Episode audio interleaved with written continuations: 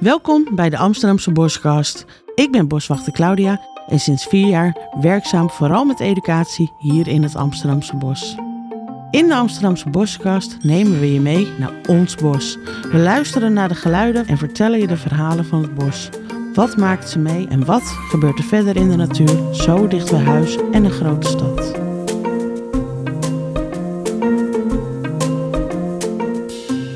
Vandaag gaat Peter ons van alles vertellen over de ringslang en het ecosysteem waar deze in leeft. Verder bezoeken we een ringslanghoop en leggen we uit hoe je deze kan herkennen en hoe deze gebruikt wordt. Nou, Peter, we zijn weer uh, gaan een nieuwe podcast inspreken. En we gaan het vandaag hebben over uh, de ringslang. Ja, ja, daar hebben we er uh, toch wel wat van in het Amsterdamse bos ook, ja. En ja, misschien laat je wel heel veel luisteraars nu schrikken.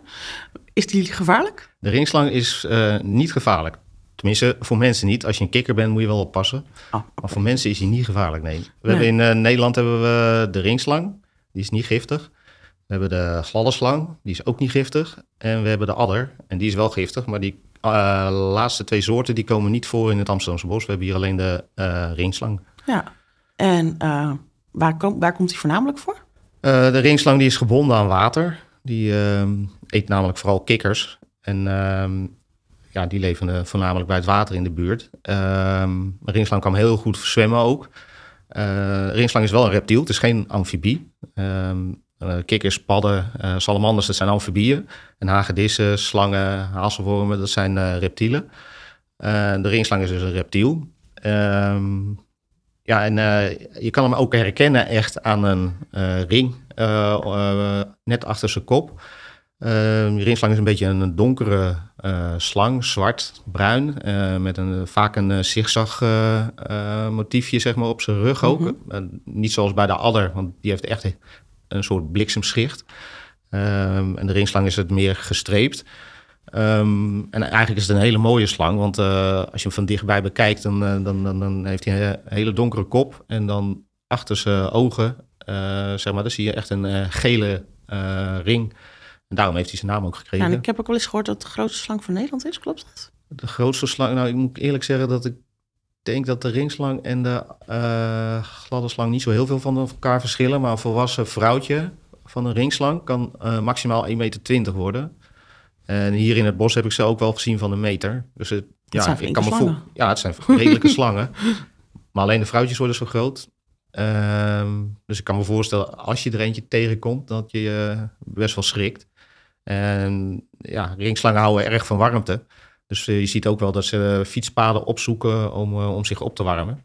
Omdat ze koudbloedig zijn, hebben ze de, de warmte van de zon nodig uh, om actief te worden. Mm -hmm. En uh, ja, soms doen ze dat ook wel eens op een fietspad, want dat is lekker warm natuurlijk als de zon ja, erop heeft gestaan. op dat asfalt. Ja. ja, dat snap ik wel.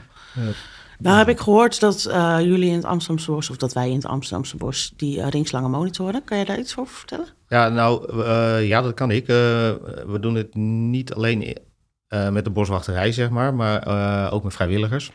Um, ooit is Martin Melgers, dus, ooit gestart met het aanleggen van, van ringslanghopen hier, broeihopen.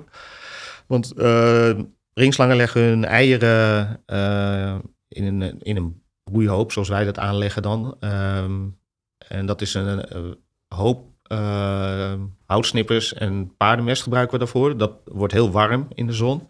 En ringslangen leggen daar hun eieren in. En de warmte die in die hoop is, die zorgt ervoor dat die eieren tot ontwikkeling komen en dat er jonge ringslangetjes uitkomen. En op die manier kunnen we het ook monitoren, want uh, elk jaar graven we zo'n hoop uit. En dan worden uh, alle uh, eieren eruit gehaald die uitgekomen zijn. Of tenminste, nee, alle eieren worden eruit gehaald. En op zo'n manier kun je tellen hoeveel slangen er uitgekomen zijn. Um, en aan de hand daarvan kun je ongeveer berekenen hoeveel slangen er in het bos leven. En die, die, slangetjes zelf, die zijn eigenlijk, die uit, uit het ei komen, die zijn niet groter eigenlijk dan een flinke regenworm. En die worden dus ook door heel veel dieren gegeten. Okay. Door vogels, uh, nou ja, ratten, eigenlijk. Ja, ze zien, het wordt als een worm gezien door andere dieren. Ja, en dus ook gewoon als een worm gegeten. Juist. Dus het is ook wel een belangrijk onderdeel van de voedselketen. Ja, ja, ja zeker. En uh, uh, de ringslang is ook een gidssoort, dus die aan de hand van zo'n gidssoort kun je zien hoe het met een bepaald ecosysteem gaat. En in dit geval is het dan een, een, een, een ecosysteem wat heel waterrijk is. Als er veel slangen zitten, dat betekent dat er ook genoeg voedsel is, dus dat er ook veel kikkers zitten. En dat zegt ook wat over de waterkwaliteit. Ja, en dat de kikkers ook weer genoeg te eten hebben natuurlijk. Ja, ik snap hem. Dus dat, ehm, ja, aan de hand van zo'n soort kun je zien hoe het met een bepaald ecosysteem gaat. En in het Amsterdamse bos hebben we momenteel twintig van die ringslanghopen uh, liggen. Of die hebben we dan neergelegd. Dat is al, uh, nou ja, volgens mij al sinds de jaren negentig of zo. Uh, dus al heel lang. Want die slangen, die, je ziet bij nieuwe ringslanghopen dat, dat, dat die slangen wel even tijd nodig hebben om het te ontdekken. En sommige worden ook niet gebruikt, maar dat is een enkeling. Um, ja, dat zegt op een gegeven moment, als dat wel gebruikt wordt, dan zegt het ook weer wat over, uh, over dat we met het beheer bijvoorbeeld, dat we wel de goede kant op gaan. Ja, want hij verspreidt zich dan natuurlijk beter. Ik snap het, ja. ja. Um, nou, um, heb ik wel eens zo'n uh, ringslang door het water heen zien gaan. Zijn er nog andere sporen die zo'n ringslang achterlaat? Ja, want slangen die vervellen ook. Um, en bij slangen is, het, is de vervelling niet zoals bij mensen die af en toe een keer een huidschilfertje verliest. Maar eh, een slang die, ehm, die, die vervelt gewoon in één keer helemaal. En het is ook wel grappig, want je kan het ook aanzien komen. Want op het moment dat slangen hebben ook geen oogleden. Dus die, op het moment dat de slang gaat vervellen, dan zie je al eigenlijk bij de ogen dat het daar heel dof gaat worden. Want dat is dat oude velletje wat er overheen zit. Het velletje zit over zijn oog heen? Ja, ja. Okay. dus dat is een beschermlaagje. Um, en dat wordt dan dof. En uh, op een gegeven moment is die slang dat ook zat. Dus die gaat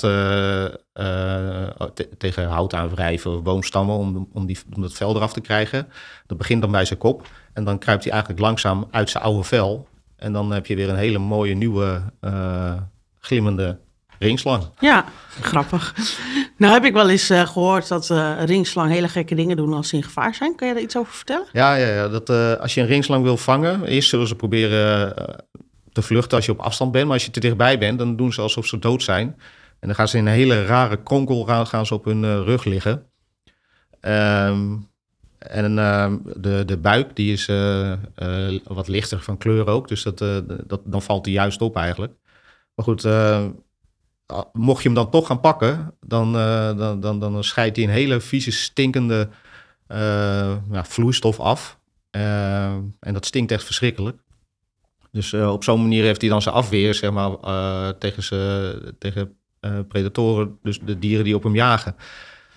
Maar hij doet dan alsof hij dood is natuurlijk. Maar als je een tijdje stil blijft staan en hij denkt van er is geen gevaar weer, dan kruipt hij wel weer verder. Dus dat, maar ja, dan moet je echt dichtbij zijn, wil je, wil die echt dood gaan liggen. Ja. Meestal proberen ze eerst te vluchten. Want ze reageren, het is een bodemdier ook natuurlijk. En als jij aankomt lopen op een, op een normale manier, dan voelt hij de trillingen in de bodem al. En dan meestal zijn ze al weg. Dus je moet, om een ringslang te zien van dichtbij, moet je heel voorzichtig lopen of heel lang stilstaan. Dan, dan lukt het wel. Ja. ja, en die trillingen die voelen we natuurlijk veel eerder. Ja. Dan, uh... ja. ja. Heb je zelf wel eens een uh, ringslang gezien of gevangen? Of... Nou, hier in het bos zie, zie ik ze regelmatig. En vangen, dat doe ik niet meer, want vroeger heb ik er wel eens eentje gevangen. En toen werd ik inderdaad ondergespoten met die vloeistof. En daar ging ik van over mijn nek, dus dat doe ik nooit meer. Dat is echt smerig. het is dus zo erg dat je er inderdaad... Dus, Oké. Nee, dat is wel een goede tip. Uh, ik heb toevallig uh, zelf ooit een keer dat een uh, hoop moesten ontruimen... Ja. dat ik van die kleine babyslangetjes tegenkwam. Nou, het zijn inderdaad net wormen, maar zelfs die stinken al behoorlijk. Ja, ja dus dat raad ik eigenlijk niemand aan. Nee, nee gewoon met je tegen vingers vanaf blijven. Helemaal goed. Nou, Misschien moeten we naar zo'n hoop toe gaan. Dan kan je me daar nog wat meer erover vertellen. Is dat een goed doen. idee? Ja, gaan we doen. Oké, okay, top. Peter, we staan bij een, uh, bij een hele grote hoop. Ja, van uh, houtsnippers en paardenmest en een beetje stro. Dat is, ja. dat is zo'n ringslanghoop. Kijk, en ik zie er ook wat takken onder liggen. Ja, ja want die ringslanghopen, dat maken we eigenlijk door een, eerst wat takken neer te leggen. En daar overheen wordt dat mengsel gegooid. Uh, en die takken die creëren eigenlijk een beetje ruimte onderin die hoop waar die slangen in kunnen kruipen om hun uh, eieren te leggen. Oké. En dit is inderdaad zo'n uh, biotoop van een ringslang. Je ziet veel water, riet, nou ja, bloemrijk grasland. En als je stil bent, hoor je ook nog kikkers kwaken. Ja, warm. Heel erg in de vette nu. Net waren het er wat meer. En ehm, ja, die, die hoop die, die, die moet lekker warm worden. Dus die ligt eh, open en bloot in de zon. En eh, af en toe halen we een beetje begroeiing weg dat de temperatuur goed blijft. En dan, ehm, nou ja, volgende week wordt het een beetje mooi weer weer. Met een graad of 20. Ehm, en dat is ideaal voor die slangen. Want dan kunnen ze lekker opwarmen en eh, dan heb je ook meer kans dat je ze ziet. Want dan, eh, dan komen ze wat sneller tevoorschijn. Het is de laatste tijd natuurlijk best wel koud geweest steeds. En waar verblijven ze dan? Eh, normaal gesproken. Ja, Ja, in holtes, eh, onder boomstronken, eh, bij ho- holen van konijnen verblijven ze. Maar wel allemaal in de buurt van water en langs het water. En ja, je ziet ze niet veel omdat ze toch wel ook een verborgen leven leiden. Ja, En zo, zo, zo is dit gras ja, en die riet, daar, daar, daar zie je sowieso al heel weinig natuurlijk. Omdat het heel dicht op elkaar staat. Dat is voor de slang ideaal. kijk, ja, want die slang, als die hier nu zou kruipen, zou dan ik niet eens zien door het hoge gras. Door het gras niet, nee. nee. Nee. Dan moet je echt wel een klein open stukje hebben. Ja, Maar de open stukjes, dat is wel waar ze zichzelf eh, opwarmen. oh, ja, tuurlijk, want ze hebben die zon nodig. Ja. ja. Dus die, eh, dat is de plek waar je ze kan zien eigenlijk. Kijk, top. En eh, nou ja, die kikkers die hoor je al, dat is, dat is, dat is al een goed teken dat die hier zitten. En eh, in deze hoop worden ook elk jaar wel eieren gevonden. En het verschilt eigenlijk hoeveel eieren er, eh, er eh, per hoop in zitten. Want sommige zitten er 500 in en andere misschien 30 of zo. Dus het is, verschilt heel erg. En eh, wat ook belangrijk is voor de slang is een eh, natuurvriendelijke oever. En dat betekent eigenlijk dat het een mooi begroeide oever is die heel geleidelijk afloopt naar het water.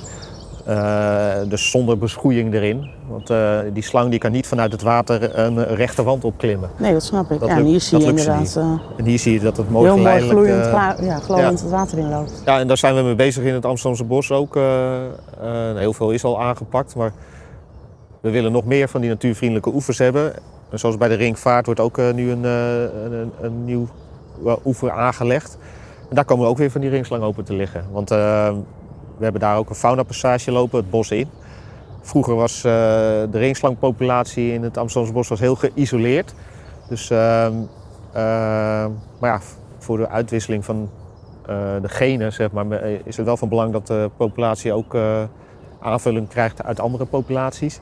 En dat deze slangen die hier leven ook ja, verderop eh, Ergens anders naartoe kunnen. Ja, ja, dus kunnen doortrekken. Ja. Nou, nou zie ik daar zo'n meerkoet eh, tussen het riet. ja. Eet hij nou ook een ringslang?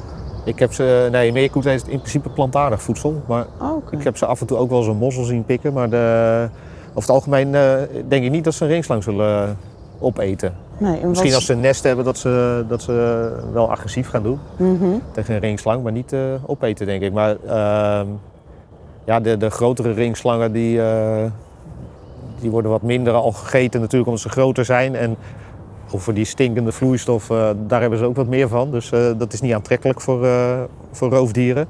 Maar een roofvogel of een reiger, een ooievaar, die, zullen- die, die zullen het misschien nog wel eens proberen. Nou, Ja. En hier, als, hier, ook- dit is ook, want je hebt hier langs die, langs die eh, natuurvriendelijke oever, er ligt ook wat hout en zo. En Oh, dat is ook ideaal voor die ringslangen. Al om te zonnen.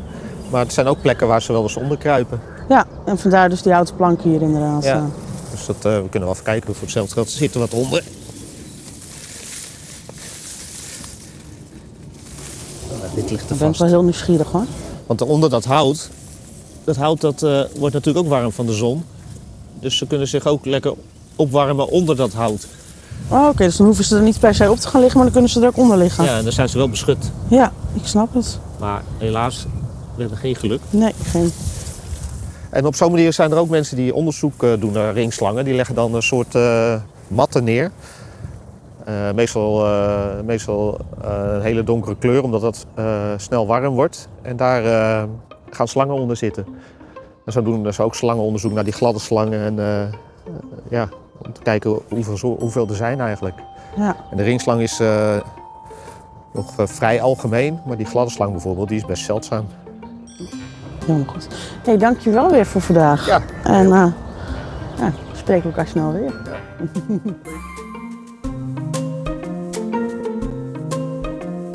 Leuk dat je hebt geluisterd naar de Amsterdamse Boskast, die volledig in het teken stond van de biodiversiteit. Had je nog een vraag over biodiversiteit of over een ander thema dat we deze week bespreken, dan kan je ons mailen via deboswinkel.amsterdam.nl. Dankjewel en tot de volgende keer. Doei doei!